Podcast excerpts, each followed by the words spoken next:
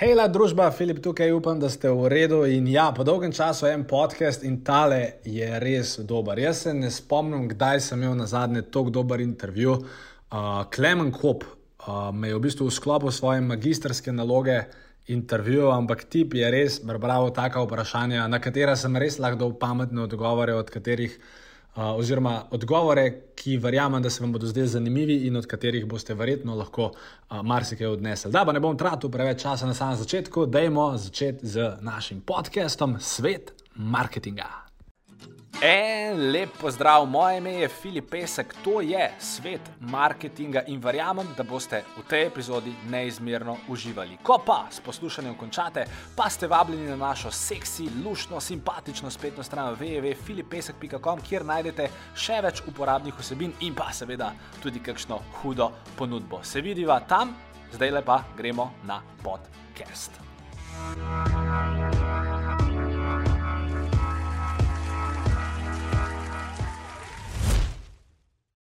Kdorkoli gleda tole, dobrodošli na mojem YouTube kanalu. Danes je pred nami en čudovit intervju. Vem, lahko bi jaz eh, našega gosta Klemna intervjuval, ampak v bistvu se je on odločil, da bo mene intervjuval. Klemen, jaz sicer vem približno, zakaj se gre, ampak bi lahko še vsem, ki bodo tole gledali, nekako razložil, zakaj si se odločil eh, mene povabiti danes uh, sem.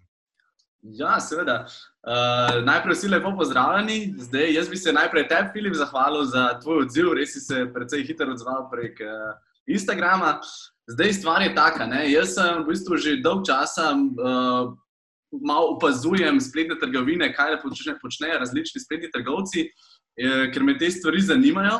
Um, sem se odločil, uh, da v svoji magistrski nalogi raziščem v bistvu dejavnike uspeha hitro raztočih spletnih trgovcev. Zdaj, um, ti si tudi podjetnik, uh, imaš, mislim, da marketinško agencijo, ki se verjetno ukvarja tudi s prodajo preko spleta, gre to, da imaš tudi sam, ne ne par pa. Um, tako da, ja, um, v bistvu bom probil uspešnim zgodbam v Sloveniji določiti en skupni imenovalec. Kako se ti to sliši? To se mi zdi zelo urejeno za magistrsko nalogo. Lej, najprej čestitke, da se sploh podajaš na to pot. Jaz dlje od prvega, drugega letnika faksa nisem prišel in to je, in to je super. Zate, definitivno, ja, jaz nisem eden izmed večjih spletnih trgovcev. Prodajamo pa določene produkte na spletu, pa predvsem kot marketinška agencija, seveda, seveda vodimo marketing za ogromno teh večjih spletnih trgovcev in nekako verjetno ti bo znal povedati neke, neke skupne imenovalce uspešne spletne prodaje v tem videoklicu. In jaz predlagam, da, da kar začneš, kar ko imaš v streli, jaz bom odgovoril, pa bomo videli, kaj nastane. Super. Jaz bi v bistvu tako, no, jaz bi se na hitro sprehodil čez tvojo celotno podjetniško zgodbo, pol na koncu bi se pa še dotaknil prav teh uh, skupnih imenovalcev. Pa bi te čisto vprašal, zdaj mislim, da sem nekje na spletu zasledil, da si na začetku uh, prva tvoja podjetniška stvar, da je bila, da si prodajal čevlje v Slovenijo iz Kalifornije. Je to, res? To, je, to je res. Mislim, pač te, tle lahko rečemo, tle se je začel nek prvi. Prvi tak denar uh, obračati. Mislim, valjda sem verjetno tudi doma, sem bil pač mlajši, pokosil travo, pa zato dobil 10 evrov, sam temu ne moreš glih reči, nek podjetniški začetek.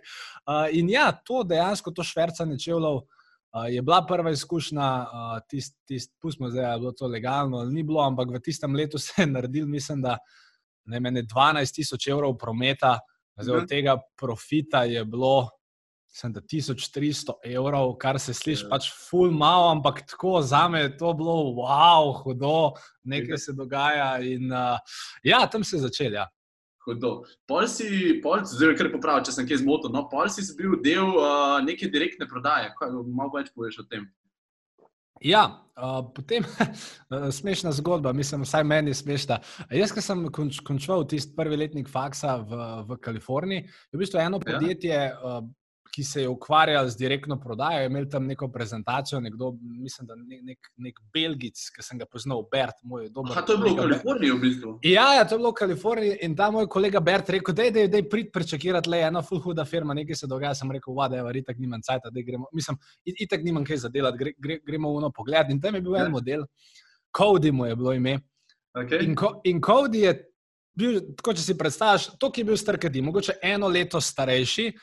Uh, bil je, po mojem, zadet kamina. In on, on je tam nekaj razlagal, ampak polo vmes je rekel, guys, guys, uh, I made six figures last year. Ja. Mi smo six figures last year, pač po naše, torej, da je v lanskem letu pač v okviru te direktne prodaje oziroma tega podjetja zaslužil pač prek 100 tisoč dolarjev oziroma pač po naše evrov. In ko sem jaz unga kodija na pol zadetega slišal to reči, sem rekel, fakt, če, če pa ta kodi lahko znotraj pač formata direktne prodaje toliko zasluži, bom pa verjetno še jaz toliko zaslužil, kar seveda nikoli nisem. No in pa se je tako začela moja, moja pot v direktni prodaji, najprej smo prodali eno določeno stvar, jaz sem se pol vrnil v Slovenijo, pa sem delno, delno to delal v Ameriki, delno v Sloveniji. Mhm. Pol pa dejansko uh, je bilo še ene par stvari vmes, v, v kjer niti nimam cajta zdaj le iti, ampak pol ker sem že nekaj te direktne prodaje dal čez, uh, sem pa pol dokončno prišel v Slovenijo in takrat je pol mi bila predstavljena priložnost tega, da grem trkati od vrat do vrat po celi Sloveniji ja. v okviru enega drugega podjetja in tam pa mislim, da sem se definitivno največ naučil, nekako tudi spil v svoj lastni prodajni sistem. In, in iz tega so v bistvu pol tam nekako nastale te. Um, te delavnice o prodaji. Zato, ker me je potem lastno podjetje začelo sprašovati, Filip, kako pa ti toliko veliko prodaš, ker sem seveda največ prodal, so me druga podjetja začela to sprašovati. No, da, no, da, da, to ja. tvojo uspešnost malo številke. Uh, lahko da to uspešnost. Recimo uspešen pri direktni prodaji. Je, prvič, uh, odvisno je zdaj, kje podjetje gledaš, ne, ker, ker recimo za, za zavarovalnega agenta ali pa nekoga, ki prodaja uh, uh, čistilne naprave za 2500 evrov, je pač nerealno, da proda toliko enot kot nekdo, ki prodaja nekaj drugega. Ampak jaz mislim, jaz mislim da se takrat ne, v sedmih mesecih, mi smo pač prodajali pogodbe za, za električnega dobavitelja. Mhm. In, in jaz mislim, da sem takrat v devetih mesecih naredil, mislim, da 680, 690 pogodb. Mhm, mhm, kar pomeni, da je 80-90 na mesec. Uh, da, to bi bile oh, neke številke povezane, povezane s tem. Ja. Okay. Verjetno si se, ne vem, jaz imel sem že pred leti, sem imel veliko prijateljev, ki so se točno s tem ukvarjali in so, in so obupavali in trkali. In vse je bilo, ja, čim več, do čim več jih stopiš, tem več jih boš imel, ampak na koncu, ne vem, mesta so imeli dve pogodbi. V čem si bil ti drugačen? Ja. Jaz mislim, da tle, mislim, neke resnice so te prijatelji, oziroma ta teorija tvojih prijateljev je do neke mere pravilna, ker definitivno je kvantiteta pomembna. Ne? Ker če ti greš, če grem jaz do 30 vrat, pa če greš ti do enih vrat, je skoraj logično, da bom jaz več, več prodal kot tunka, gre samo do enih vrat. Ampak kar mislim, da sem jaz bil drugačen, je to, da sem imel in kvantiteto, torej da sem res preživel na terenu po 8-9 ur na dan. Mhm. Pa imel sem tudi kvaliteto, torej jaz pač sem imel strategijo, kako zadevo prodati, kako človeka, ki ti pač že z prve čuden gleda, ki ti reče, z prve me ne zanima, ki ti reče, z prve pet stran, kako mm. zdaj do tega človeka prijeti in kako mu neko, neko stvar prodati. Torej jaz, jaz, jaz bi rekel, da ne vem, nekako entuzijazem, znanje, pa, pa količina dela povezano skupaj. Ok, okay štima. Um, pa si verjetno na podlagi teh izkušenj pripravil tudi, kot sem videl, um, se pravi, neke, neka izobraževanja, ki si jih počel uh, po Sloveniji za različne podjetja. Ne? E, ja, za, različ, za različne podjetja, pa tudi v bistvu imel sem izobraževanje v svoji izvedbi, nekaj pa na neki točki sem rekel, ok. Mislim, tam vmes je bila še ena stvar, za katero veliko ljudi ne ve, ampak jaz sem vem, po spletu srečnih okoliščin sem leta 2016 imel priložnost predavati nekje v Ljubljani pred, mislim, da 400 ljudmi, na odru so bila pa takrat jaz, pa Aleš Lisac, ki je takrat pa konec koncev še vedno velja za neko slovensko marketinško prodajno podjetniško avtoriteto. In pa pač, ker sem jaz imel tam unih 400 ljudi, pa ker se ta cel dogodek nekako promoviral, sem rekel, da je ok, zdaj očitno je zdaj ta Filip Pesek nekako prišel ven iz te svoje skrinice, začel se nekaj oglašati, nekaj je začel govoriti, pač vedno več ljudi ga je videl. In sem rekel, gledaj, če me zdaj že ljudje poznajo, ne bom sam teh prodajnih delavnic delal po podjetjih, ampak bom tudi ne nekako začrtal svoj brand, o čemer mhm. takrat sploh nisem imel pojma in sem kar nekaj bluzil, ampak ne vem, zakaj ljudje so bili na tem mojem. Uh, nastopom in energijo, in predvsem drugačnostjo, nekako navdušeni, seveda, če bi danes delo stvari, bi naredil čist drugače, ampak pustimo to. Uh, in ja, pol ne vem, spet z, z entuzijazmom, za, za nekaj izdanja, za, za, za drugačnostjo, za količino dela, je pa začel nastajati ta Filip Pesek brand. In ja, v bistvu ne vem, kako se je polo tam naprej razvil, ampak sem vesel, da se je. okay, cool. Takrat si bil še relativno mlad, ker si s tem začel, kako si bil takrat star. Ja, štiri leta manj kot zdaj. Torej, če sem zdaj 18, ne se zahecam, če, če, če sem zdaj, če sem zdaj še, še zdaj sem že malo starega, bo čudno, da sem začel zniževati svoje leta. Uh, ne, takrat sem bil star v bistvu 22. No. Takrat, ko sem dal. Takrat, ko sem imel to predavanje za Lešom, nisem pa pol en mesec kasneje, ker sem brez razloga dal svoj jumbo plakat na celovško cesto, oziroma ja. tam nekam na eno fut pretočno ja, ja. lokacijo. Ja, 22. Ja. 22. No, in recimo 22, to so še relativno mlada leta, še posebej za nekega podjetnika. Ne? Ti si pa v bistvu takrat predlagal že nekim izkušenim podjetnikom. Pa me zdaj v bistvu ne zanima to, kako so se oni na to odzvali, ampak kako, se, kako gledaš na te koncepte, se pravi, recimo fake it till you make it, in pa da se najlažje naučiš s poučevanjem. To ste zdaj torej na ta dva koncepta. Tako. Okay. Zdaj, fake... bila, takrat, takrat pomembna za te, oziroma si se večkrat tudi tega poslužil. Ja, ja, absolutno. Mislim, tega, tega ne, bom, uh, ne bom zanikal. Zdaj, kar je bila sigurno napaka, uh, ki sem jo jaz naredil, je to, da sem pol na neki točki probo biti pameten o stvarih, o katerih res nimam pojma, oziroma o katerih nimam dosti izkušenj, da bi lahko bil pameten. Torej, jaz še danes trdim, da lahko grem jaz, mislim, od leta 2016 naprej, da lahko jaz s kjerim koli tržnikom, ki prodaja v kjeri koli panogi, govorim, pa ga nekaj pametnega naučim. Ali pa če drugega ne, lahko greva skozi en roleplay, pa mu pokažem, kje ima napačno tonaliteto, kje ima napačen body language, kje postavi vprašanje, ki ga ne bi smel postaviti, kje postavi vprašanje, ki je v bistvu nesmiselno. Pač Torej, to znam. In to mhm. mi tudi, kljub temu, da sem bil takrat star 22, jaz takrat, vsaj na tem področju, nisem kaj dosti fejkov, till you make it. Jaz sem pač vedel, da to znam. Uh, je, je pa res, da sem se, mislim, da, da vedno, ko sem prišel v neko sobo ali pa je nekdo prišel na moj seminar, je tako vedno prve pol ure, so vedno tako sedela. Veš, tako, ja, ja. tako gledati zdaj ve ali ne ve. Sam pa veš, pa sem pa. Pa sem nekako znal razbiti ta let, nekako sem jim znal pokazati. Mislim, da so pol relativno hitro vedeli, da znam, in je pol um, šlo nekako uh, urejo čez. No. In ja, določen del mene, mislim, jaz sem se že zelo hitro začel obnašati, da vse štekam, kar seveda na tisti točki ni bilo res. Uh, Ja, nekaj, nekaj tega fake it ili make it je, je sigurno bilo, pa nekaj tega je seveda še danes. Ker jaz, jaz ne trdim, da vemo vse, uh, Uh, in tudi, mislim, kar se je spremenilo takrat do danes, je to, da takrat, ker nečesa ne vem, pa če rečem, le nimam pojma. Ja, ja, ja. In, in, in se ne bo čuden s tabo zaradi tega. Ne. Takrat pa mogoče v moji glavi nisem smel tega reči, ker mhm. ne vem, kaj pa je zdaj, kaj se pa zgodi. Skratka, ja, bilo, par stvari bi danes naredil drugače. Kaj pa tvoja druga teorija, je ne bila fake it da, pa, da se najlažje, se pravi, čak sem da zaključim, uh, se pravi, podpiraš do neke mere to ali ne? Fake it ili make it. Ja. Ja. Sam, sam moram, pač prej pre, pre lahko to evaluiram, mi moraš case, mi moraš case predstaviti. Ker, na to je case. Ja. Ali pa na splošno, recimo, da podjetja dajo fake ne vem, neke, neke ocene izdelkov. To se, ful, se mi zdi pogosto dogaja. Dobar, to, to, je, ja, to je zdaj druga stvar. Ne? Ampak, lej, jaz tako rečem. Jaz vsakmo, mislim, to, to je moj nasvet, lej, pa se vem, da se snema, pa to je šlo online. Ampak, če nimaš reviewjev, Ja. Pa če imaš doma šest družinskih članov, ki jim je všeč ta izdelek, pa naj oni napišejo review. Jaz v tem ne vidim nič spornega. Mhm. Kar pa, kar pa vidim spornega je pa to, da dejansko tega izdelka noben ni testiral, noben in ti naklapaš neke fake reviews. To se mi zdi pa sporno. Mhm. Am, ampak, gledaj, nezakonito pa ni. To, to, to je stvar vsakega posameznika, pa njegovega moralnega kompasa. No? Okay. Uh, ta druga stvar je bila, pa, da se najlažje učiš z poučevanjem. Se pravi, da si da s tem, kar ti učiš druge, da se tudi sam sebe učiš. Ja, je, je res. Sam, če bi jaz danes mogel dati nekomu na svet, bi rekel, da je raj se ti naučiti skozi svojo prakso, pa pol mogoče, če boš hotel poučuj.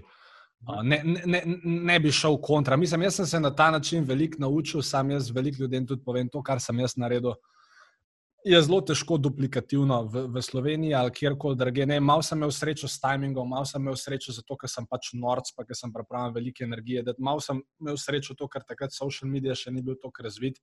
Mm -hmm. In pa se je nekako to parilo. Ampak jaz tu danes, ne vem, če pogledaš moj brand zdaj, danes. Jaz se full umikam iz tega poučevanja. Jaz dejansko, pač, ne, mi smo marketinška agencija, delamo to za stranke, kar delamo. Ja, ok, vmes sem, bi se sem napisal knjigo, Včasih imamo kakšno promocijo vezano na to knjigo, enkrat na leto, mogoče naredim webinar in to je to. Ne, nisem pa zdaj več tisti, ki bi vem, hotel blazno predajati znanja ali, ali whatever, ker, ker mislim, da je tako kot tega na internetu dovolj, pa Mhm. konec koncev tudi finančne računice v nekem predajanju znanja blazne pač ni. Okay, razumem. Okay, gremo naprej, gremo, gremo, ki- kam, kam si se pol naprej usmeril?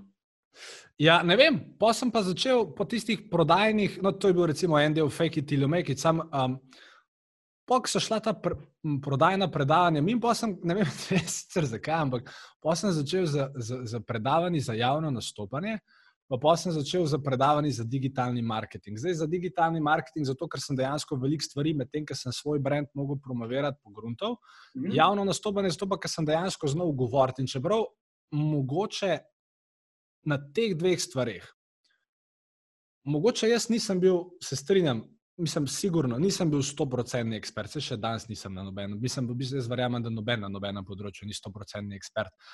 Ampak, če greš ti danes vprašati, vse ljudi, ki so bili na uni delavnici, bodo rekli, da sem se ful naučil, ful mi je bilo kul, cool, ful, mi- pač ful mi je bilo kul, cool.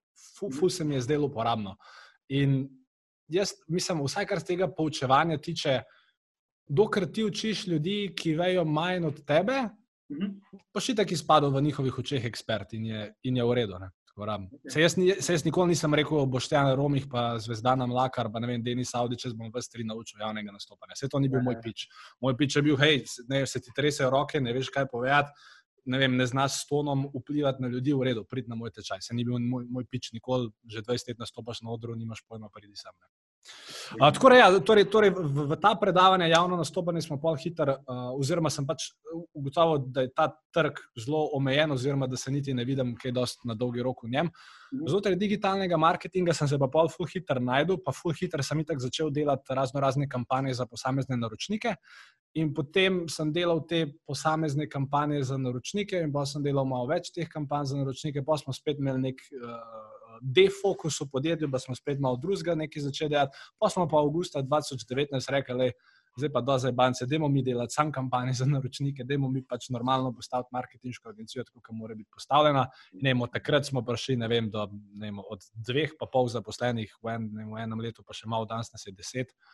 Uh, tako da, ja, pač, tako nekako je šel cel proces. mislim, da sem nekje na spletu opazil, če se zdaj skoči povedati. Aha, ionizator vode. Imamo, če ga rabiš. Ja, v bistvu to, to je bil, to je bil fullušten projekt, smo ga zagnali, mislim, da je bil marc 2019. ja? Prve, prve tri mesece smo dejansko full hour delali, mislim, full hour. Pač so se začele stvari obračati, sistemi so se začeli postavljati. Deva, deva, deva, odkud si sploh prišel na idejo? Aha. Um, z- kako si zgradil stran, kako si iskal kupce, kdo je bil prvi kupec, kje se pojavil, da je mogoče tako razdelati. Okay. Um, ideja je bila glih v, v tem defokusu, zato ker smo delali leta 2018, sva jaz pa Rene, delala kampanje za naročnike. Torej, tisto poletje so naredila full kampanj za naročnike, ampak ker jaz cenovno, oziroma ker sem iskal dejansko napačne naročnike, Mhm. pa ker tudi nisem znal postaviti enega modela, ki bi bil pač long-term based. Uh, so, so, se na, so se vsaj meni, pa ne od te naročnike, oziroma celo to delo z naročniki, se nam je uno podjetje ful zamerali. In Mhm. pa sva, in, in pa sva razmišljala, sva rekla, da je nekaj, če mi je nekaj z nekim produktom naredila. Pa je rekel, pismo, to pa mogoče ni slaba ideja, da je nekaj raziskovati. In pa sem jaz, takrat se nisem nekaj urejal počutil in sem zase naročil ionizator vode. In pač meni, meni je bil fulkul, meni je še danes fulkul, jaz ga imam doma. In, in pol, pa so z Renejem rekli, pa sem malo raziskala trg, malo sem pogledala, koliko je iskan na Google Searchu, rekla sem, itak so brih na marketerja, se mogoče tudi, če ni toliko iskan na trgu, vam je že pač nekako ustvarila povpraševanje. Sve rekla, da dajmo probati, dajmo videti, kaj bo. Uh, in se pravi, stvar se je v bistvu prve tri mesece relativno normalno odvijala. Uh, zdaj, kako smo iskali kupce, uh, pač torej bil je Facebook pa Google Advertising, je prišel lead, smo lead poklicali, smo ga obiskali na domu, smo pač naredili prezentacijo, če kupil, je kupil, če ni kupil, ni kupil. Pa smo itak imeli pač tudi določene sisteme direktne prodaje, pač pri, priporočil itd. No in skratka, po teh treh mesecih smo dobili zdravstveno inšpekcijo, ki je verjetno en konkurent poklical, hvala konkurent. In uh, potem uh, nam je v bistvu, zato ker ti se da prva inšpekcija, ki sem jo jaz imel kot podjetnik, nam je v bistvu ti za dva meseca zaustavil nekako cel, cel del, ker se je on začel kar nekaj upikvati, pa smo pa ne same certifikate, imel pa ne spletno stran, ne, neke klejme smo mogli okrog obrniti, pa la la la la. la. Uh, na koncu je bilo vse urejeno, mislim, sploh kazni nismo dobili. Bilo, mislim, vse je ležit, vse kul. Cool. Sam v teh dveh mesecih je toliko momentuma šlo stran od tega projekta, pa toliko enega, v bistvu, mojega fokusa, ker sem itak se mogel z birokracijo ukvarjati, pa z ne vem čem. Da sem pa, rekel, pa, pa sem pa pogledal na koledar, pa je bil juni, pa sem šel pogledati neke analize za nazaj. Ja. Pa sem ugotovil, šit, se mi smo vendarle največ denarja vedno naredili, ker smo delali z naročniki, sam pač nismo prav zastavili. Kaj pa če bi mi zdaj to prav zastavili? Uh, pa tudi dejansko moj impact, jaz hočem to delati. Mislim, jaz res uživam v marketingu in, in meni je res veselje, ker gledam eno podjetje, ki ga mi dobimo, ne vem. Ki dela to, kar revenue je na mesec, pa ki mu z, z marketingom pomagamo prijeti do tja, pa ki vidimo, da mora zaposliti dva nova človeka, pa ki vidimo, da mora odpreti novo lokacijo. To me ful veseli, že od samega štarta. In pa smo dejansko ta marketing oziroma delo za podjetja smiselno zastavili. Uh, in pol v bistvu nikoli več nismo ionizatorje vode resno nazaj uh, zaštartili. Kar se je verjetno zgodilo, je to, da mu brand prodal, zato ker pač zdaj dejansko noben nima se cajta za tistmu aktivno ukvarjati. In je pač tam neka stvar, ki ima dobre sejo pozicije, ki ima v bistvu vse ready to go, ki ima celo logistiko, vse poštima. Sam, glede na to, koliko nam zdaj gre dobro v sklopu marketinške agencije, pač ne bomo zdaj spet defokusa delali v, v dve različni smeri. Ok, pa ker so glih pri tem, pa ker si omenil in produkt, in marketing, in pomembnost enega in drugega, da je mogoče večkrat povedati na temo, kaj se ti zdi bolj pomemben produkt ali marketing, zakaj eden, zakaj drug. Lej. Marketing, produkt sploh nima veze, ker, ker ti moraš vedeti, da danes vsi najbolje prodajani produkti niso najboljši produkti. Jaz dam roko v ogen, da ne vem, kaj zdaj. Deva reči, da je najbolj prodajan avto na svetu golf, čeprav ni, ampak deva reči, da je. In tudi če je golf najbolje prodajan avto, oba veva, da obstaja na svetu boljši avto kot golf. Samo zato, ker ima golf v tem primeru toliko boljši marketing, je pač najbolj znan. In zato, ker je najbolj znan, pa veliko ljudi, ker misli, da je avtomatsko najboljši. Pa ni najboljši. In ne vem, pač še 600 podobnih primerov bi lahko naredili tudi jaz. Jaz mogoče nisem najboljši predavatelj. Mogoče nisem najbolj, mogoče ne vem največ o marketingu, čeprav to mislim, da vem, ampak sem z marketingom ustvaril vtis, da dejansko največ vem, oziroma me pač največ ljudi pozna. Zato vedno je, vedno je marketing prvi, in potem pro, razvoj produkta je vedno drugi. Ker tudi ti, imaš iPhone. Mm, ne, no, ne. Ima Samsung. Huawei. Ok, Huawei. A se ti Huawei, ima posodobitve? Ma. A veš, zakaj ima posodobitve? Zato, ker so ti, zato, ker so ti, Ja, zato, ker so ti prodali nepopoln produkt. Ker so najprej, hej, marketing, mi imamo nov telefon, je bi ga ni še čist do konca narejen, ne šest, kot se lahko posodobiti, ampak je pa najboljši telefon, kup ga. Pa si ga kupu, pa imaš pa na vsakem updateu, bug improvements, bug improvements. Zato, ker so se najprej fokusirali na marketing in so rekli, ok, dajmo mi zdaj nek produkt, ki bo good enough, ki ne bo perfect, ki bo good enough, pa ga bomo pa mi že skozi čas naredili perfekt. In tudi jaz pač za sebe, mi imamo servis, ki je good enough, oziroma dost čez good enough, ampak vem, da ni perfekt. Vem, ker, ker pač nikoli stvar ne bo perfekt. Pro, probamo biti, da je vsak dan ta produkt, ta naš servis boljši, ampak nam je pa prvi fokus, da pač nas čim več ljudi spozna in da lahko s tem, kar imamo, kar pač vemo, da podjetjem pomaga, da lahko pač dosežemo čim več ljudi. Tako da marketing prvi, produkt, produkt drugi. Kaj pa je dober produkt? Kaj pa je dober produkt? A to je retorično vprašanje? Ne. Aha, kaj je dober produkt? Dober produkt, uh, dober produkt je tisti, s katerim je na koncu dneva potrošnik zadovoljen, po mojem mnenju. Ker, ker jaz mislim, da tle, jaz pa ti lahko filozofirava, kaj je dober produkt, ampak vedno je trg tisti, ki pove, kaj bo, kaj bo on kupil, pa predvsem kakšen, uh, kakšen um, kakšno uporabniško izkušnjo bo on s tem produktom imel. Ker ti moraš nekaj vedeti. Če bi tebi Huawei prodal, ali če bi ti Samsung prodal un telefon, ki se je pol sam sebi, ki se je zažgal, ali kva so oni telefoni, da se ne vem. Uh, Ne, ne smeš tako slabega produkta dati na trg. Torej, mora biti nek balans. Vse to je kul, cool, da imaš ti najboljši marketing. Sam, če, prodaš, če imaš najboljši marketing, pa res šiti produkt, se bo to, da imaš šiti produkt, razvedel boš imel same slabe revije in eventualno ti ta marketing ne bo več pomagal. Tako da moraš paziti. V redu, ja, marketing na prvem mestu, produkt na drugem mestu, sam ne sme biti pa ta produkt tako inferioren, pa tako za nič, kar pa se v šuniču cel brand name. Okay, štekam. Um, jaz bi zdaj skočil na knjigo. pol okay. bi šel pa na, na spletno prodajo. Kaj greš na tvojo spletno stran? Ne? Jaz sem, zdaj, jaz sem probo to nekako spraviti v nek format, ampak tako le zgleda tvoja prodajna spletna stran, pa še, to še ni vse. Ne? to, ne, ampak to še ni vse. Ne, ni vse. Mislim, da je bilo nekih 27 Wordovih strani tega. Okay. Zdaj se mogoče večkrat dotaknem tega copywritinga, kaj je dober copywriting, zakaj je copywriting in, in kako, se, kako se tega sploh lotiš. Ja, dober copywriting je tak, da ga držiš v roki. Ta je res dober. In, in, in če pač kdorkoli, ki me spremlja, pa ki res šteka, približno zakaj se gre, da mogoče razlika med, med nami in marsikom drugim v Sloveniji, ali pa marsikiro marketinško agencijo v Sloveniji je ta, da smo mi res heavy, heavy, heavy copywriting oriented. Torej, jaz se vedno se nekako pohecam, da k nam pridejo poslovni partnerji oziroma stranke, ki jim noben drug ne zna marketinga delati, ker imajo pač kompleksen produkt, oziroma ker ga je treba skozi besede nekako jasno razložiti, ker ni glih to zdaj neka stvar, ne vem, zimska guma, ki vsak dojema, kaj je zimska guma, ampak je pač nek malo bolj kompleksen produkt. In če znaš ti z besedami, oziroma v sklopu tega copywritinga, potrošniku povedati najprej, da ima problem, da je ta tvoj produkt rešitev za ta njegov problem, da stane tok in da ga naj kup, pač, ker znaš enkrat to narediti so ti v bistvu vsa vrata odprta. In, in za spletne trgovine, in za tak produkt, kot je knjiga, in za v bistvu kjerkoli stvar. No? In ker se copywritinga naučiš, takrat v bistvu štekaš influence, štekaš psychology of people in lahko v lifeu narediš karkoli. In to tudi jaz ljudem, ki pridejo k nam, pa ki delajo pri nam, rečem, da tudi če ste tle delali dve leti. Pa če ste pol ali vi dali odpoved, ali če vam bom jaz dal odpoved, ali, kar, ali če ne mene avto zbije, karkoli. Vi se boste v teh dveh letih ali v enem letu naučili štekati copywriting s tem ljudi in s tem boste imeli v lifeu neomejene možnosti, ker teh ljudi, ki to razumejo, je dejansko res malo. No? In, in se mi zdi ta cel aspekt pomemben. Zato tudi v roki držiš nek list, ki je dolg 27 strani, kar ko si že rekel. Uh, in in kar, je, kar, kar je pomembno, razen tega, da je to dolgo 27 strani, Klemen, ti moraš vedeti, da ta spletna stran prodaja.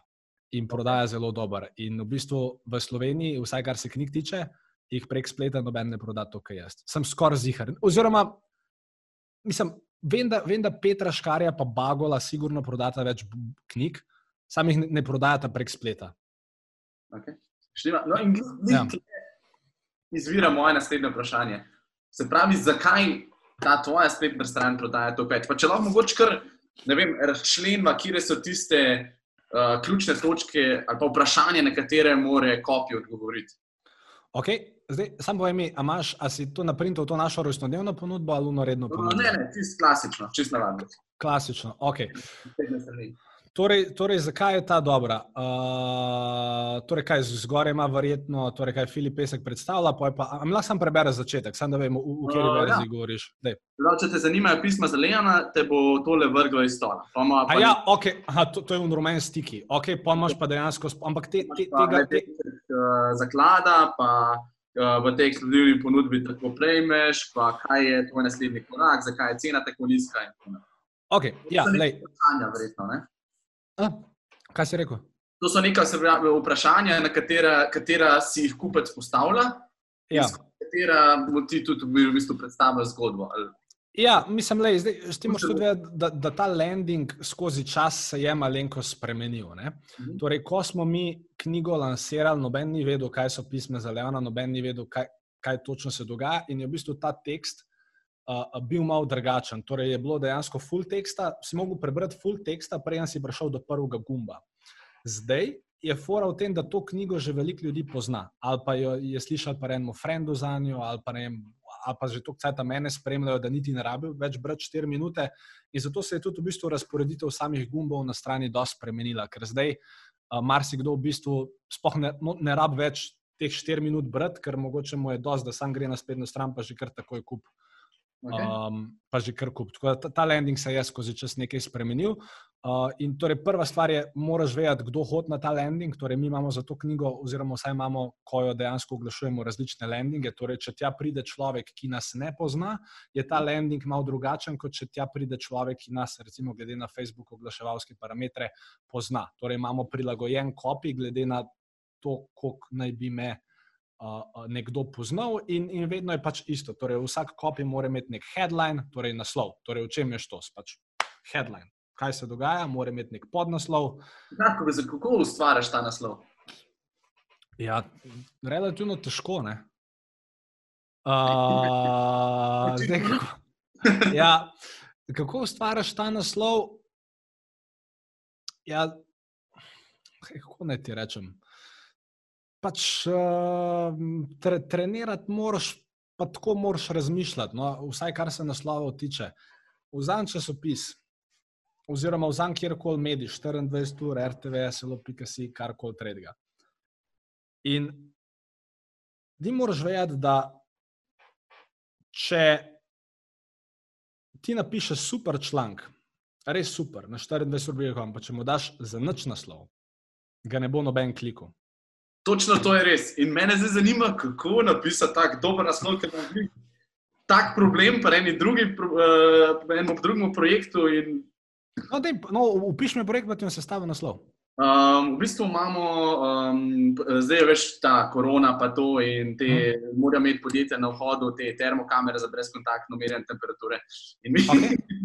delamo referenčno točko, ki je uh, v bistvu je ogreta na skozi na konstantnih 37 stopinj, in termokamera lahko primerja um, temperaturo referenčne točke z temperaturo obraza. Se pravi, gre za primerjalno metodo. Okay delamo nek video, nek landing page in rabimo eno darno, se pravi, nek naslov. okay, komu, koga boste pošiljali na ta landing page? Um, v bistvu sta dve uh, ciljni skupini. Eno so um, končni kupci, ki so recimo podjetja, se pravi, neki informatiki, neki, ki skrbijo za varnost um, vem, v podjetju, verjetno, predvsem, da so to informatiki. Um, drugo so pa retailerji, se pravi, ti preprodajalci, ti, ki prodajajo že termokamere. Ok, torej, definitivno dva različna landinga. Uh, torej, če, če ti delaš landing, za, ampak ok, torej ti nagovarjaš, recimo, ok, da bomo vzeli naše podjetje kot, prim, kot primer, torej nas, reči, da je tle, pa bomo vzeli pa še eno drugo podjetje kot primer. No, Glaven problem je pa to, da so te kamere, da te kamere, ki so zdaj obstoječe, ali se pravi te cenejše, niso dovolj natančne. Mhm. Zato s to točko um, povečamo natančnost, ki je dovolj velika za uh, pravi, merjenje telesne temperature. Okay, pa ta, pa torej ta naprava je zakonsko obvezna? Zakonsko ni obvezna. Tam pa, če ti hočeš učinkovito meriti, je pa priporočljiva z odnije ZEA in uh, ljudje nočijo, da se virus razširi recimo v podjetju med proizvodnjo ali pa v neki. Dobro, to je, to, to je i tako pa stane? Uh, 700 evrov. Kar je v primerjavi z vem, 20 tisoč evrov termokamero, še vedno zelo ugodno. Okay. Lahko pa se ne dotikamo tega. No. Ampak tako sem rekel. Ne, ne, ne lej, jaz, moram, jaz moram to vedeti, da se stavim dober naslov. Jaz, drugač, prej bi naslov napisal, bi vem, 12 ur gledal nek tekst, pa delal neko raziskavo, ali pa še več. Zato ja. ti, ti moraš vedno, torej, dober naslov lahko sestavljaš, ker produkt res dobro poznaš, ampak zdaj jaz lej, na pamet govorim. Uh, torej, to še tako pošilja v mail. Ne? Tako. V bistvu klicu pošiljajo mail, jih usmerijo na landing page, se dogovorijo za testiranje. Zakaj bi vas lahko eh, usmeril na landing page, če jih boš klical, pa če jim boš pisal mail? Zato, ker ponovadi, itak veš, kako je, ker prvič kličeš, te itak usmerja na mail in po, rečeš, ok, pošlješ mail. Spet kličeš, če se pač ne odzivajo. Pač moraš, kle, kle, klemen, jaz ti bom dal dostop do teh mojih tečajev, ki imam. To, kar ti nekdo reče, to mora mora znati kot tržnik premagati, tako med nama. Pač, Če nekdo reče, pošljem na mail, re, re, a, a, a, a, to pomeni, da si imel že v osnovi slab huk oziroma da, ajde, tudi če je bil umfuk dober, da je pač on se proba zdaj, mislim, on te proba skenslati. Ok, sem ga pač, moraš ga znati obdržati na telefonu, takrat pa moraš mu znati povedati, hej, vem, ej, lahko vam pošljem na mail, predvidevam pa, da ste tako zaseni, da mailov zdaj sploh nimate cajt gledati. Zato dajte mi povedati, a imate 30 sekund časa, da vam zdaj le na hiter v 20 sekundah povem, ker sem še 20 imala, da vem, o čem je to lahko, super. In, in greš pa naprej v kvalifikacije, pač to moraš po telefonu znati narediti. Um, ampak, ok, pustimo zdaj to. Vrnimo se na landing. Ja, povej, sorry. Ne, po mojem, končni, mislim, če končnemu kupcu to prodajaš, je malo drugače, kot če podjetjem to prodajaš. Sploh, če gre za nek tehničen produkt, ki je primerljiv, oziroma ne primerljiv po nekih specifikacijah. Ali, ali pa ne. Ampak, okay. je, je, je, lej, je drugače, seveda ja. je, je, je drugače. Sam, če ti osebe na telefonu nisi kvalificiral, mu tudi ne moreš, ta, mislim, lahko mu pošlješ landing, sam nov z tega landinga, znači ti ga moraš po telefonu. On reče, hej, gospod, prej vam pošljem na mail, sam, e, pa si pa zmisel, gospod, prej vam pošljem na mail, sam to, imam prepravljenih pet različnih ponudb, rabim sam tri odgovore, torej tri vaše odgovore, oziroma rabim tri odgovore na moje vprašanje, da vam bom vedel, kje je ponudbo vam poslati. Dajte mi povedati, ali imate sploh kakšno tako napravo? A sploh je nimate, super. Druga stvar, a, ne, mi pol, recimo, mu postaviš ta tri vprašanja in pa veš, kje landing mu poslati. Recimo. Okay, okay. V razmislek. Am, ampak ti, mor, ti moraš vedno po telefonu dobiti vsaj nekaj, nekaj informacij, drugače, mislim, se pač, lej, sej, lej, če pošlješ 100 ponudb, en se bo v glasu v vsakem primeru. Sam, če hočeš ta procent dvigati, mm. moraš malo začeti dejansko ta prodajni proces.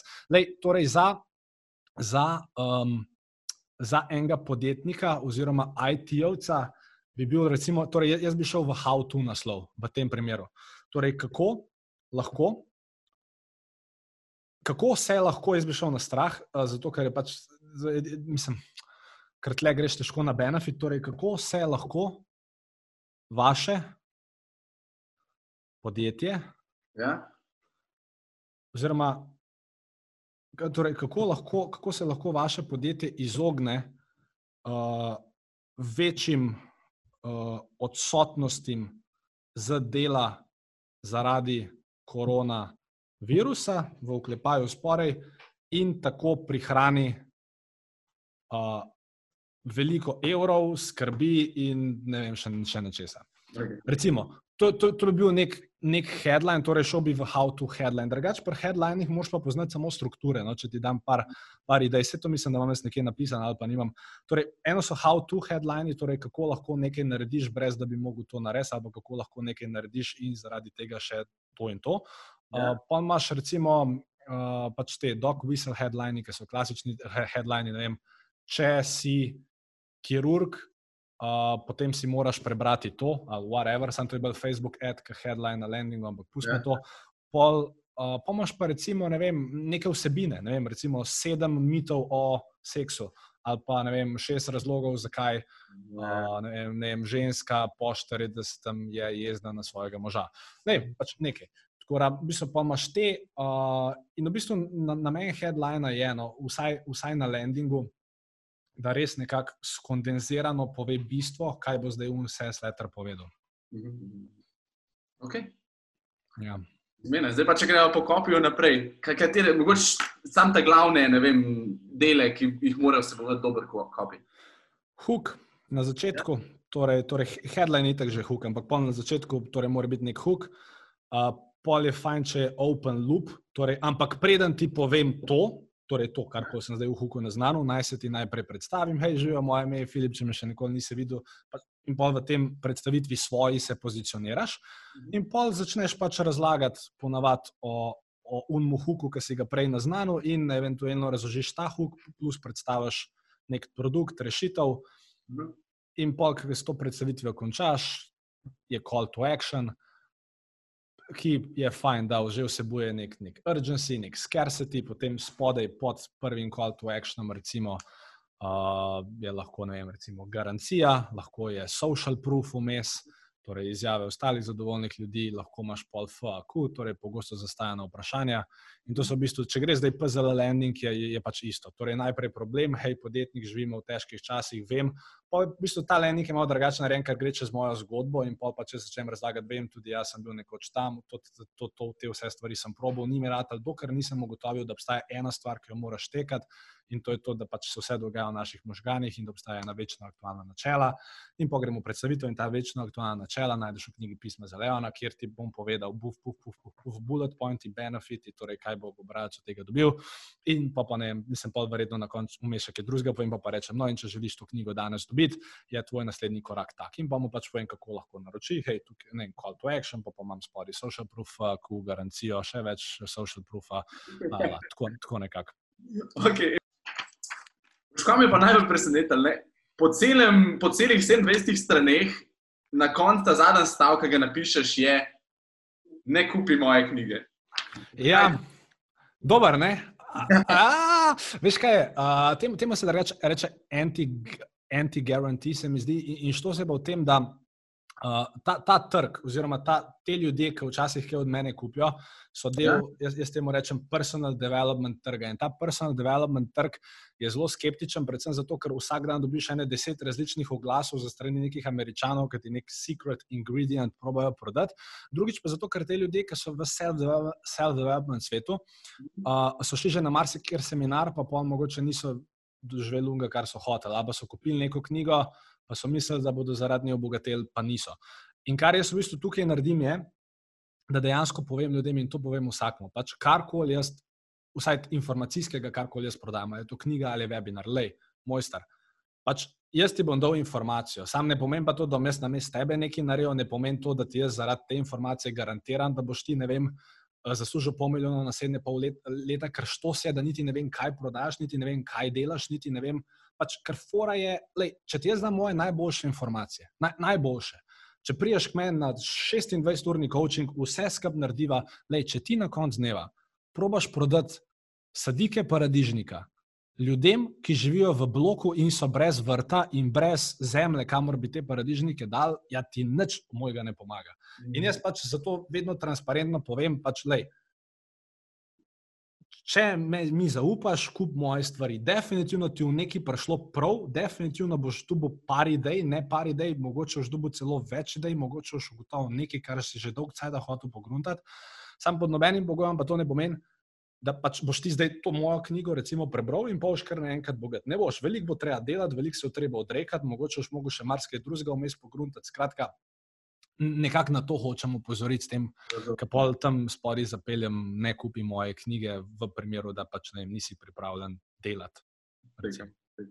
Okay. Ful hvala, ful hvala za ta odgovor. Um, ja. Na tej točki bi se v bistvu preskočil v spletno prodajo oziroma okay. spletno trgovino. Um, pa bi te v bistvu tako na začetku vprašal. Zdaj, jaz sem se z, z Nastjo iz Malince že pogovarjal. Um, Mislim, da, ne vem, popravme, ampak ker sta videla začela skupaj delati, se je njej prodaja podvojila. Oziroma, vsaj, če gledaš bilance, je, mislim, da takrat, ko sta začela hoditi, ne, ampak pol, ko sta dejansko začela delati na projektu, se je prodaja podvojila. Ja, Zdaj ne vem, ali je to razlog ti ali je sprememba strategije eh, z njene strani, ampak dejstvo je, da te je pohvalila, da ste delali dober marketing, da je tvoj tim delal dober marketing. Kaj ste naredili? Ja, zdaj, predvsem, kar mislim, da je pomembno, je to, da očitno eh, sem nasti v življenje prinesel veselje in je pa tudi ona bila boljše volje. Jaz, jaz mislim, da je to. Ja, ne, res, ker mislim, ker če je direktor oziroma vodja podjetja, oziroma eden izmed uh, lastnikov v njihovem primeru, če je on dobre volje, potem tudi vse skupaj v podjetju dobre volje, dosti bolj optimistično. To mislim, da je bila prva stvar. Uh, pol druga stvar je bila, mi smo se recimo prvo leto, mhm. je, mi nismo delali nič za njo. Torej, od avgusta 2018, ko smo mi štartali, do avgusta 2019, moja ekipa ni za malinco naredila nič. Je bilo pa tako, da je ona vsak teden prišla z mano vem, z enim problemom ali pa z izzivom. Filip, kako naj to rešim? Ali pa Filip, če bi mi mogel nekaj svetovati, kaj bi mi rekel? Ali pa če, če bi mogel zdaj pogledati naš e-mail marketing, ali lahko te, ki piše pri nam e-mail, ali lahko daš kratek feedback. Sem v bistvu ne en, jaz recimo vsak teden vzel ene pol ure časa, in že samo s tem, uh, pa mislim, lej, to, da je malinca dvakrat zrazen, to, to, to ni moja zasluga. To je zasluga malince, njihove ekipe, tega, kar delajo. Vem pa, da, da sem jim tako ali pa drugače pomagal, da sem, jih, da sem jih v bistvu znal pravilno usmeriti. Predvsem v tem prvem letu, uh, pač, ker nismo mi za njih nič delali, uh, je bila full razlika v tem, da so začeli dosti več video vsebin delati, dosti bolj so začeli personalizirati cel kontent oziroma komunikacijo z svojimi kupci. In že zaradi tega se je full premik naredil. Plus, uh, nekako zvlekel sem jo tisto prvo leto na, na, na, na Tenex Grove Conference v, v, Grand Cardonu in pa on, on ki je tako tak razbojnik, totalni. Uh, pol vmes je bila na tej konferenci dobila idejo, Filip, veš, mogoče ima pa Grand prav, mogoče pa jaz res premalo, tako na premajhno razmišljam in dejansko sred konference, torej oni so imeli cilj za leto 2019, da naredijo en milijon evrov prodaje. No, in sred konference dobila idejo, veš, Filip, ti si mi že doma nekaj razlagal, da, da bi si jaz lahko više cilje postavila, pa zdaj mi gre tle to razlaga, kaj pa če bi mi letos dali cilj na milijon pa pol. In so dali cilj na milijon pa pol in so naredili na koncu leta prek milijon pa pol. Postaviti visoke cilje je eno, dosežti jih je pa drugo. Kje je ja. ta, kje je ta um, razkorak? Kako pol se lotiš tega? Eno je, da te manjše majstone postaviš. Kako ste se prmalinci ali pa so se lotili tega? Ja, lej plan. Plan se je zelo preprosto. Torej, milijon pa pol na leto je milijon pa pol deljeno 12, evo, dobiš mesečni prihodek. Super, kako lahko v aprilu prodamo za tok pa tok stvari. Oziroma, z druge perspektive, kako lahko tok pa tok strankam pomagamo, ne vem, boljš razumeti kolagen, kako jim lahko pomagamo boljš razumeti imunobiotike, kako jih lahko izobrazimo o šipkovem olju, kako lahko damo akcijo za šipkovo olje. Pa so dejansko naredili te mesečne plane in predvsem so se jih držali. Torej, kar je prmalinci oziroma prnasti, oni so zelo pač večina podjetij ima težavo s tem, da si postavil plan, pa se ga pa ne drži, ker se ujamejo v nek dnevni jukebox nekih stvari, ampak one, ki se one nekaj postavijo, one to naredijo. In pol dejansko, torej to je bil prvi del tega, da, da je ona postavila večje cilje v, torej v, v lanskem letu. A druga stvar je bila ta, da so naredili plan, pol tretja stvar je pa bila, da dejansko tam, ko so ugotovili, da mogoče niso najbolj suvereni, tam so najdel pomoč. Ker, ker to, to je včasih problem podjetnikom. Ja, se jaz vse vem, to firmo ima že deset let, nam zdaj noč v krog sprašal za pomoč, ampak ona je bila prebrana vprašati za pomoč in kar je še teži, vprašala je za pomoč svojega moža. To sem pač, ne tako, če nisem bila mož pa žena, ampak svojega fanta, nekaj pač to včasih težko. In pač reka, fil, na Facebooku, na Googlu, jaz mislim, da bi lahko pomagali z svojimi izkušnjami. In pa smo pač dejansko avgusta 2019 uh, najprej vzeli Google, pa mislim, da še par mesecev kasneje smo se pač smo prevzeli njihov Facebook. In od takrat naprej, pa s pomočjo tega, da one še vedno mesečno res postavljajo plane, pa da dobro razvijajo podjetje, pa da pač dobro delajo kolaboracije, branding itd. Pač danes malinca, torej od takrat, ko smo se spoznala, je šla. Torej, tisto leto je naredila 500 tisoč evrov, letos mislim, da bodo naredili prek 3 milijone. Okay, okay. No, pa če ostaneva, pa če ostaneva še pri malinci. Um, oni so začeli z grajenjem baze. In grajenje baze se mi zdi bolj pomembno, sploh če si na začetku, pa tudi če si že ustaljeno podjetje. Uh -huh. Kaj za tebe pomeni grajenje baze in kako se lahko lotiš tega tudi danes? Recimo, kaj malince začela, so takrat začeli z nekimi recepti in tega, tega še ni bilo tok.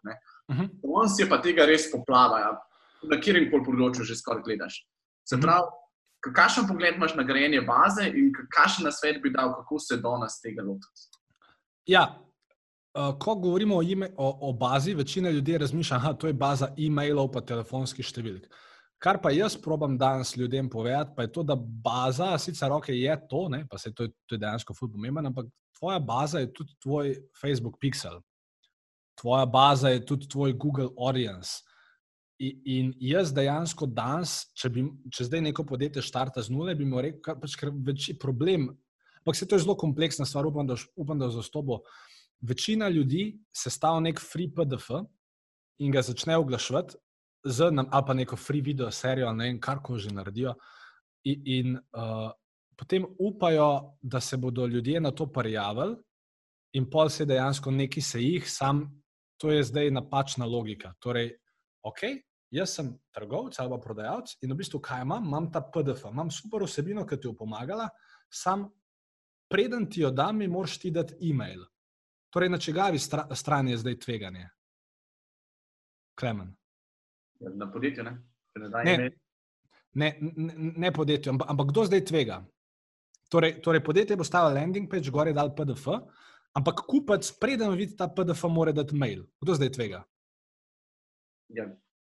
Oba, mislim, podjetje tvega, da ne kupec ne bo dal maila, kupec pa tvega, da ne bo dobil tega PDF-ja, če ne da maila. Ja, ampak, ampak zdaj kupec od tega podjetja ni slišal še nič. On je samo slišal, imamo super PDF, prenesi si ga. Ampak, le, če me fora, to, to je fora. Ok, ti mi moraš dati mail, pol ti bom pa jaz nekaj dal. Torej, ti mi moraš dati mail, kupec, ti mi ja. moraš najprej dati mail, potem pa jaz nekaj dal.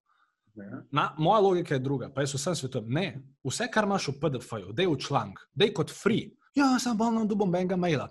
Vem, sam. Boš pa dobil tok, pa tok ljudi v Facebook Pixel. Mhm. Plus, mislim, če boš članek dobro razpisal, boš tako dal na koncu članka nek call to action, pa bodo ljudje mogoče prišli do tvoje spetne trgovine. In tako verjetno takrat ne bo več kupil, ampak bistvo je to. Ti jim nisi nič vzel.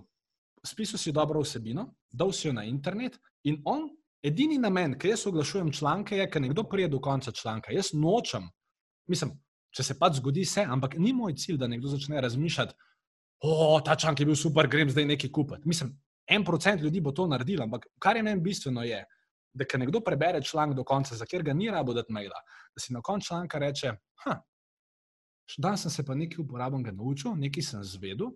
Ta Filip Pesek, za razliko od drugih, noč ni hotel od mene, kar direkt mi je dal informacije, tega bom pa spremljal, pa naslednjič, ko bom videl njegov glas, bom na ta glas pozoren. Torej, logika je druga. I, I get, ne, I give before I get. Vsi, ja. mislim, večina ljudi, pa ki smo pri bazi, torej jaz na ta način gradim svoje Facebook pixele, Google Audience itd. In jaz načeloma e-mail bazo, ok, letos smo sicer dali nek PDF, ampak ta PDF smo lansirali samo tistim, ki me že poznajo. Torej, tistim, ki so že prej nek odnos z mano zgradili, sem rekel, ok, zdaj pa si prenes PDF, zato, zato da prvič dobiš PDF, drugič pa zato, da priješ na mojo listo. Nisem pa tega PDF-ja oglašal ljudem, ki me ne poznajo. Upam, da, upam, da je to vsaj približno smisel. Ja, ne, in, in, in, bi pa, bi ja. pa tukaj nadaljeval. Um, pred časom, ne, pred desetimi leti, je bilo poplave, vse vsebine, fulmal. Uh -huh. Danes, recimo, tudi če sem jaz ful dober človek, pa če hočem vse dajati za ston, pa je moje področje, recimo, zdrava prehrana, pa, pa vadba. Hm? Kako naj jaz pridem ven? Kam ven? Na, v, v, v svet. a, a, a, to, torej, da bi ti imel recimo online tečaj uh, o vadbi doma. Ja, veš, veš kaj, recimo, včasih, recimo, ko je malinca začela, noben še ni na Facebooku objavil receptov. Ja, torej, zdaj imaš, lej, vem, kako hočeš vprašati, fore samo tem. Danes pač to veliko ljudi dela, ampak še vedno je ful malo ljudi, ki zna dober copywriting delati. In če všti, ne, ker še, še vedno kontent je velik, sam piše, folk piše kontent, oziroma ga tako piše, da ga itak ben ne šteka, oziroma je pač tako strokovno sestavljen ali pa tako nebrljivo sestavljen, da si ga tako, tako lahko navaden potrošnik si ne more nad z njim pomagati. Če pa ti spisal kontent, ki je brljiv, ki je zabaven, ki je izobraževalen, ki ima dobre huke nastavljene. Boš pa še vsem prišel ven iz te, da moramo reči, poplave vsebinarjev, no? ampak moš biti pa pač res dober. In, in tako bi se pa tudi pozicioniral nekako. Okay, okay. Pa, kje, na, se pravi, bi to delo, recimo, neke videe? Pos, uh, uh, vse. Vse, vse. Pač, če hočeš zgraditi veliko podjetje, moraš vedeti vse. Edina stvar, ki je, je pač na začetku, moraš vedeti, kje je začeti. Jaz, lej, 90 pri, v 90% primerov mhm. je vsaj če nek, oglašuješ neki izdelek, ki ga mogoče ljudje glih ne iščejo prek Google 100 na uro, ne, kar pač večina izdelkov je takih, mislim, določeni, ok, pač večina izdelkov je takih, ki se ne iščejo glih na Google 100 na uro. Torej, za 90% podjetij je moj odgovor vedno Facebook. Ker Facebook je še vedno najcenejši, pa tako najbolj ok kanal za oglašati praktično karkoli. Ker recimo, če greš primerjati klike med Facebookom, pa Instagramom, pa med Facebookom, pa Googlom, pa med Facebookom, pa Instagram Storyom, mhm. pa še čemarkoli drugim, kar obstaja, bo Facebook imel vedno najcenejši klik. Če na užglih oglasa totalno na robe sestavo. Mhm. In, in pač z tega vidika je Facebook najcenejši in to je to. In zato bi jaz rekel, začni na Facebooku. Torej, lej, ne vem, če bi bil, če bi hotel prodajati online tečaj o vadbi. Posnel bi en šestminuten video, kjer dejansko šest minut da, daš ljudem uporabne vsebine, in pol na koncu bi mogoče rekel: hej, mi grede, če vam je bil ta video všeč, imam tudi en online program, pet tega pogled.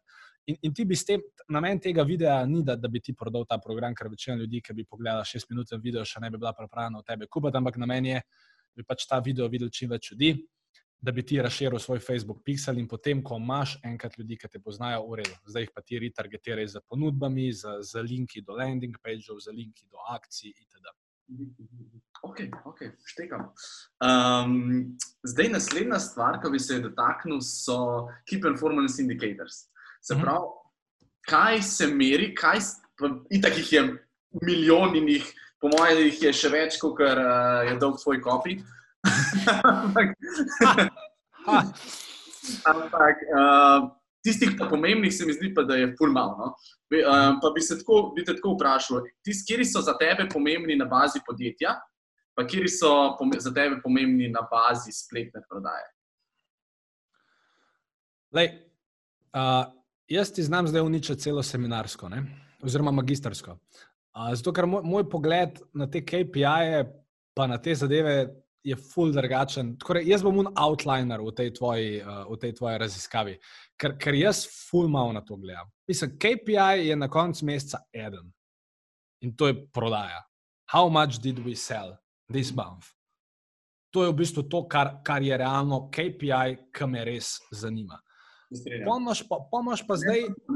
Dobičkonosnost ja. je v bistvu glavni KPI. No, mislim, ja, odvisno zdaj na kateri točki v, v podjetju si. Pač, ker mi namerno, recimo lani, vem, če šel gledati našo bilanco, mislim, da je bilo pač prikazanih pač zelo drobiš dobička. Pa ja. tudi recimo letos ga spet ne bo toliko, pa tudi dejansko ga ni toliko, zato ker jaz vem, da zdaj smo v fazi, kjer moram jaz vse, kar dobim, uložiti nazaj v podjetje, oziroma skoraj vse. Zato, ker, ker vem, da to podjetje v tej fazi raste. Mislim, v, v tej fazi raste. Bo pa problem, če bomo ne vem, pet let od danes imeli enake bilance. Ampak ne, to ti hočem reči. Pač ni odvisno zdaj, v kateri fazi podjetja si, ko govoriš o profitabilnosti.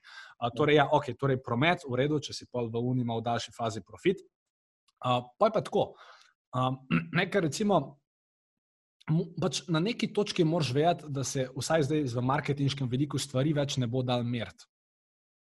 Ker, ja, ja, pa se marketing mora biti merljiv, digital mora biti merljiv. Ja. Ok, vse do neke točke je lahko. Sam, če jaz pišem vsebinski članek, kateri, katere, katerega namen ni prodaja, bom zelo težko zmeril, kjer od kupcev je naslednjih 180 dni zaradi tega članka kupil.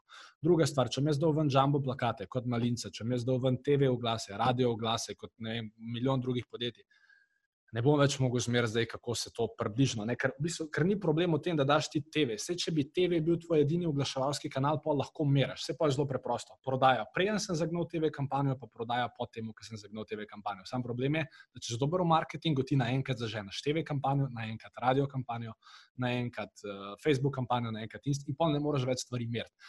In jaz mislim, da pač vse iznotraj vsakega sistema, ne Facebooka, Instagrama, tega je fajn, da se merijo neki pa postavijo neki KPI, sam um, nikoli pa nisem, nikoli, ja, kateri, ja, ne vem, torej, pač na Facebooku je zelo simpel, ne, ROAS, pač how much did I get to, mislim, koliko sem dal Facebooku, koliko sem dobil nazaj. Pač se, to, to, to je pol, mislim pa, pa, če ga hočeš segmentirati, pa greš pa, koliko je bila cena na klik, kakšna je konverzija spletne strani, kakšne etc. A? Ok, ok, sem recimo, kaj delate marketing za, za, za se pravi, spletne trgovine? Kaj ja. je? Spletni trgovci kaj merijo. Ja, ja fully odvisen od vsake spletne trgovine. Eni so obsedeni statistiko, eni pa, eni pa dejansko edini KPI prodaja. Uh, skora, se ti zdi pač, pomembna? Statistika se ti zdi pomembna ali ne? Ja, do neke mere. Uh, se mi zdi pa fully odveč, ker jo, mislim. Problem je, statistika do neke mere je kul. Ti moraš vedeti, da jaz sem drugač full analitičen človek. Jaz vsak teden dobim reporte na svojo mizo, jaz vsak teden dobim grafe na svojo mizo, jaz vsak teden dobim stvari, ki jih spremljam. Torej, ne, mislim, vem, da sem to prej malo preveč poenostavil, ampak jaz sem zelo analitičen človek. Sam prije pa pol moment, ko eni ljudje hočejo preveč v detajle meriti. In kar je najslabše pri večini spletnih trgovin, Klemen, je to, da pol vse to zmerijo. Pa, pa ker so itek preveč zasedeni, ker so toliko časa porabili, da so vse to zmerali, da noben sploh nima časa teh podatkov obdelati, kaj šele narediti spremembe v strategiji na podlagi teh podatkov. Zato, ja, napredna analitika, full cool stvar, ampak samo pod pogojem, da so špole res vzel čas, pa jo analiziral, pa pod pogojem, da, da bo nekdo, ki se bo znal na podlagi te vse analitike odločiti. Uh, uh, kaj zdaj narediti? No? Tako, tako nek, neko zvezdico moraš dati pri analitiki. Vsaj jaz bi jo dal. Pa če še malo povrtam, Dej, povrti. Kateri so štirje ta glavni, ja. ki se ti zdi smiselno imeti? A to zdaj govoriš? Prav, rekel, rekel si, vse. Torej, go, go, torej, ja, torej... Na koncu dneva, na koncu tedna, na koncu meseca, na koncu leta, poleg prodaje, uh mhm. -huh. kako lahko spremljaš, a greš v pravo smer? Ker se mi zdi spremljanje, pa refleksija, precej mm. pomembno. Ja, lej, drugi podatek, po, poleg prodaje pa profita, uh, bi bil, po mojem mnenju, koliko denarja je šlo letos v marketing. Okay. Torej, če hočeš hiter rast, pa če hočeš rasti, mora ta številka glih tako, kot tvoj promet, pa profit. A, a tako, kot tvoj promet, mora iz leta v leto rasti. Torej, to je bil nek drugi parameter. Koliko denarja smo mi overall na vseh platformah z vsemi kampanjami dal v marketing. To bi bila ena stvar, ki bi jo meril. Uh, potem, recimo, ena spletna stran, oziroma uh, naslednja stvar, ki jo jaz ponovadi v teh letnem reportu imam najbolj nekje na vrh, je obisk spletne strani. Torej, vsi obiski vseh spletnih strani, če si tako, tako znaš predstavljati. Torej, ne koliko je bilo na enem landingu, ampak vse. Torej, koliko ljudi tam, ki greš na Google Analytico, pa ne vem, kam imaš tam unique page views ali whatever za celo yep. leto, koliko, how much. Torej, torej, to je tretja stvar. Potem četrta stvar, je pa, mislim, ni zdaj to vezano na marketing, ne, ampak je. Um, Ma niti ne vem, kaj je bila četrta stvar. Kaj bi dal ti četrto stvar? Jaz bi dal povprečna vrednost kupovalne košarice. Ja, ful dobro. Dobi to. Bravo, okay. Klena, veš, se, se, se, se vidiš magistrsko iz tega. Ne, mislim, pa zdaj me na pamet sprašuješ teh stvari, ne vem, let, letna poročila se delo enkrat na leto, pa res ne vem iz glave, kaj točno imam tam, ampak average card value, ja, bi bil, uh, bi bil definitivno tam. Ja. No, in ker se mi zdi, da to je, to je tudi, ker sem se še z drugimi pogovarjal, to je ena izmed stvari, ki je precej velik izziv. No? Uh, mhm. Pa me zanima zdaj, kako mogoče permalinci, pa še kakšnih drugih, dvigujete vrednost poprečne košarice. Verjetno se ukvarjate tudi s spletnimi trgovinami. Ne? Ja, ja, itak, ja. Mislim, lej, predvsem um, imaš dva segmenta. Eno je zdaj. Uh, pač pri teh velikih spletnih trgovcih, ne vem, ne vem, whoever, ne vem, Baby Center, recimo. Um, če oni, mislim, en segment, na katerega se lahko oni fokusirajo, je, da, da naredijo milijone enih optimizacij na sami spletni strani. Torej, da oni zdaj tam dodajo une upsele ne, na koncu prodajnega procesa, da lahko z enim klikom dodaš nek kuli v košarco ali whatever, neko plenico, da ne vem, lahko si zagotoviš to isto pošiljko še danes, pa je v bistvu nek poštni upsell neke vrste, ki lahko full več za poštnino zaračunaš, pa imaš v bistvu tam neko maržo. Uh, pol ne vem, sama preureditev spletne strani, pa kako je zdaj to na mobilcu optimiziran, pa kjeri sorodni produkti se ti prikaže, pač to se vse da delati. Torej, to je en način dejansko dviga spletne košarice, da ti znaš potrošniku, ko je na spletni strani, medtem ko on nakupuje, pač da ga znaš pripraviti do tega, da čim več stvari da v to spletno košarico. Mislim, na, na, na nek logičen način, ne? ne na način, da se ti med prodajnim procesom sedemkrat pojavi pojavno okno, pa moraš X klikati, ker to boš eventualno, mislim, se boš dignil košarico, sam boš pa tudi zgubil 50 posto ljudi, ki bodo popizdili vmes mhm. in boš na koncu spustil promet. Tako, to je en način, torej popravki na spletni strani. Ja. Drugi način je pa s tem, da dvigneš brand trust z vsem marketingom, ki ga delaš.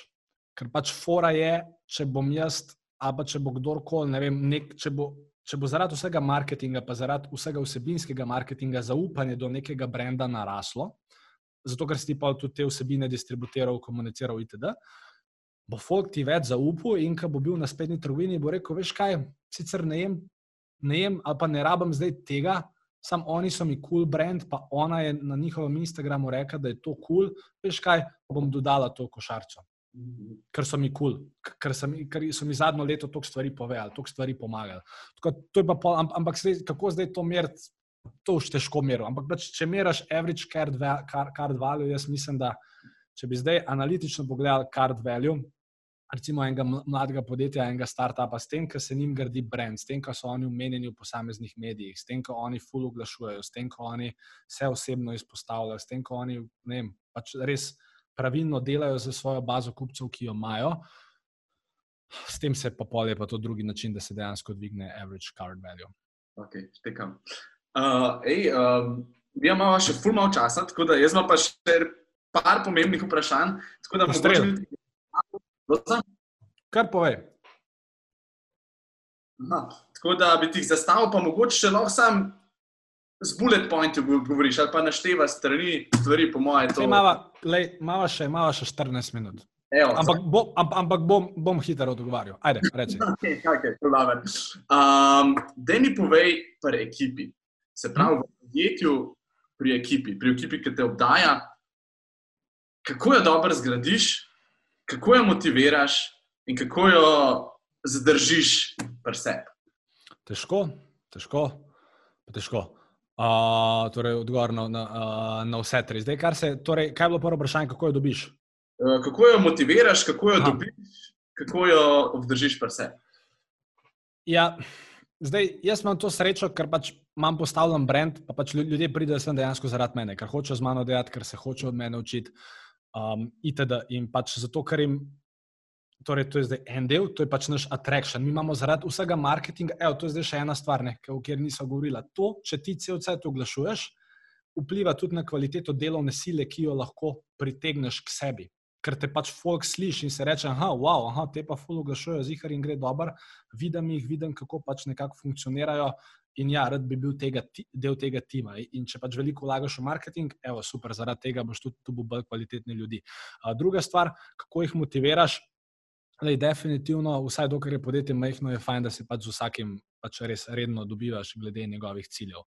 Torej, kaj ti sploh hočeš, kaj bi rad le naredil, aha, ne vem, rad bi zaslužil to, zdaj zaslužiš to, v redu, kaj, ok, deva narediti plan, kaj moraš ti zdaj narediti v tem času, da bi dodal podjetju to dodane vrednosti, da te lahko mi to plačamo. Torej, jaz mislim, da motivacija je vedno povezana s cilji. In da pač problem je, ker itak večina ljudi nima ciljev. Če se, če se o ciljih kot direktor ali pa vodja enega oddelka ne pogovoriš, mhm. je pač stvar mogoče ne bo šla tja. Zdaj, kako jih pa obdržiš? Uh, lej, nobena stvar ni zihar.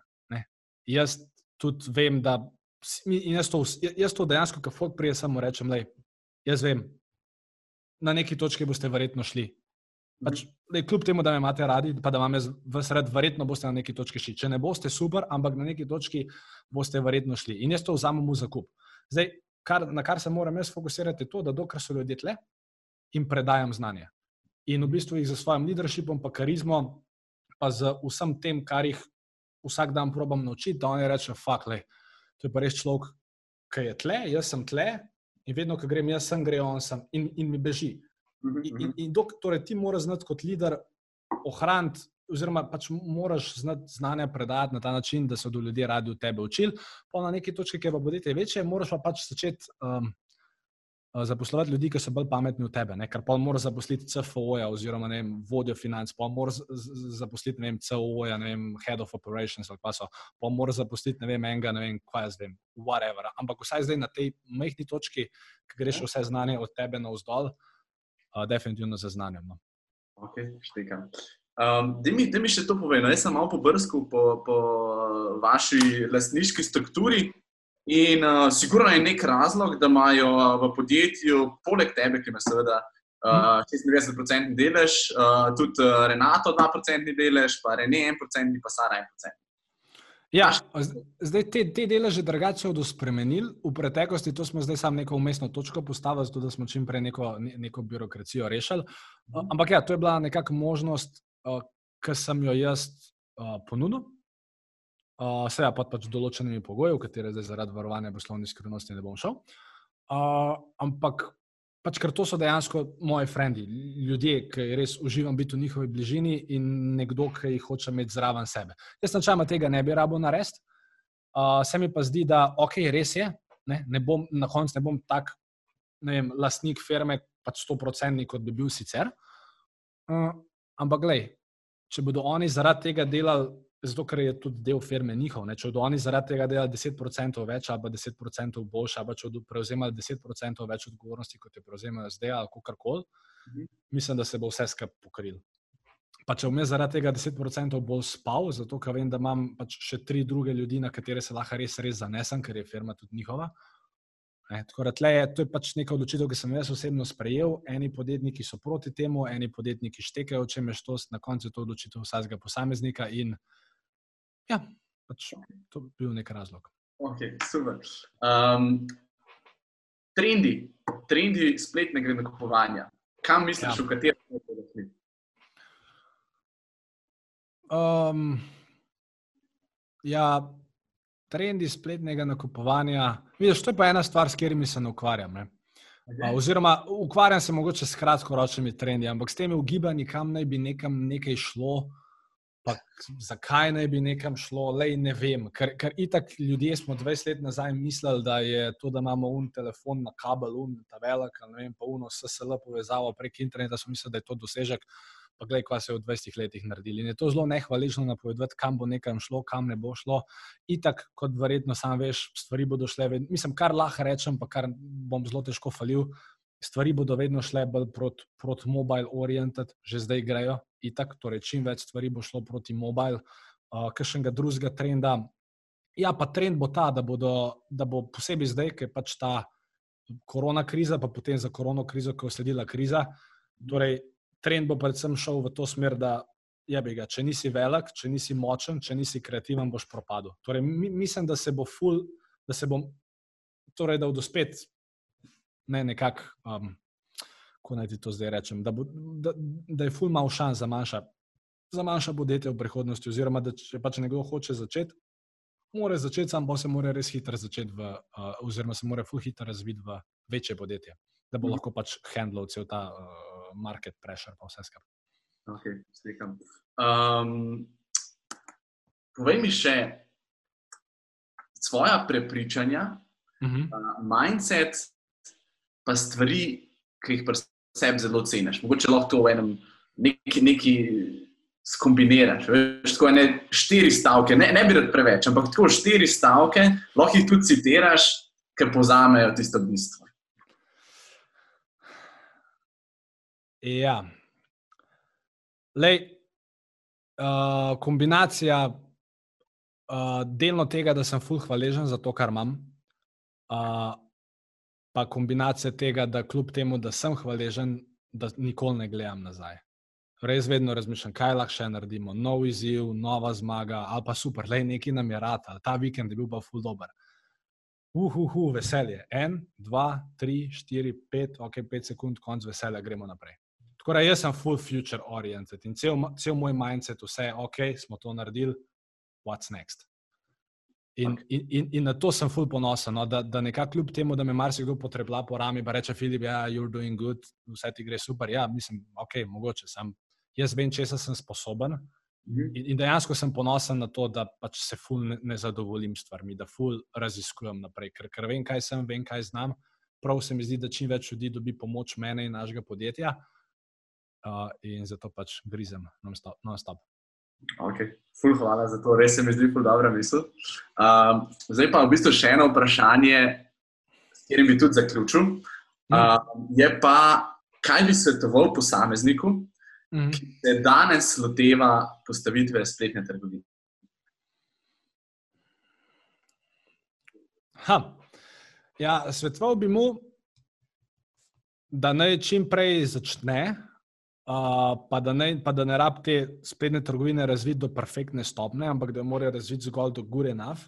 Potem naj se, če je sam, ker na začetku, ker si sam nimaš denarja za zunanjo pomoč ali pa agencijo, da naj se čim prej nauči marketinga, ker ga itak more kot vodja podjetje, podjetja štekati in da naj pač večino časa preživi v tem marketingu, da se naj prvo leto, dve leti ukvarja samo to, kako me lahko čim več ljudi spozna, kako se lahko povežem z čim več vem, ljudmi, ki mi bodo pomagali, oziroma ki bodo našemu podjetju pomagali na tej poti, kako lahko iščem kolaboracije, kako lahko iščem povezave, kako lahko pač se dejansko širim.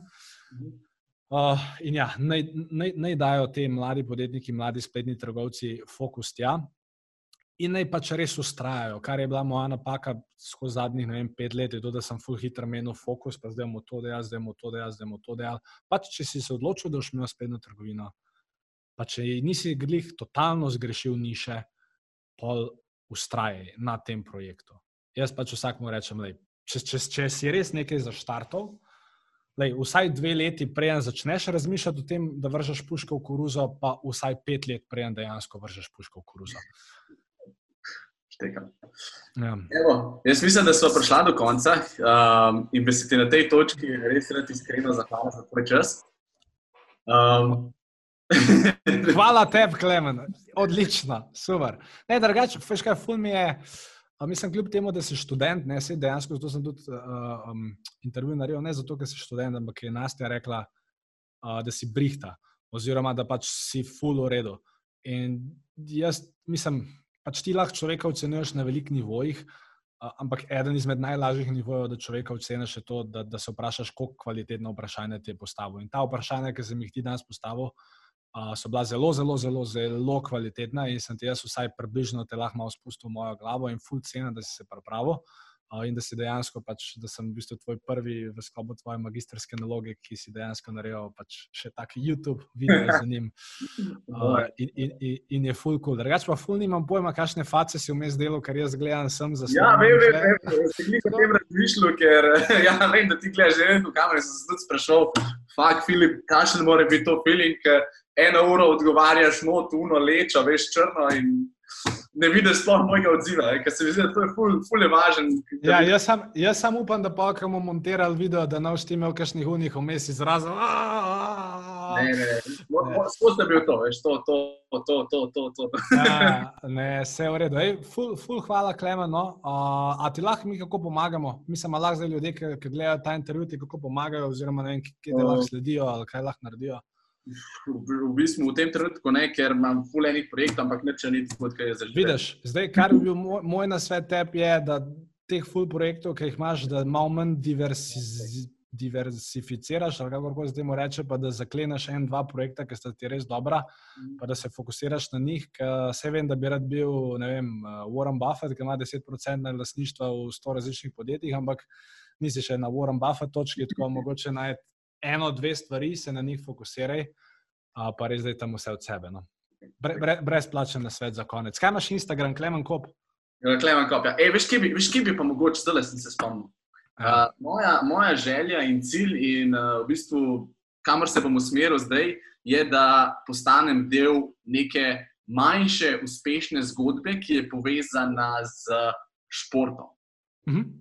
Tako da Ne vem, ne vem če, če, če, če, če, če, če ima kdo manjšo, če kdo to gleda, pa ima nekoga, ali pa ste vi tisti, ali pa pozna nekoga, ki ima neko torej, mlajše podjetje, projekt, ki se ukvarja s športom do 15 zaposlenih, imam jaz en, en job, ki ti ga lahko zrihtam, te bom poklical zdaj po intervjuju, pa ti javim. Prav?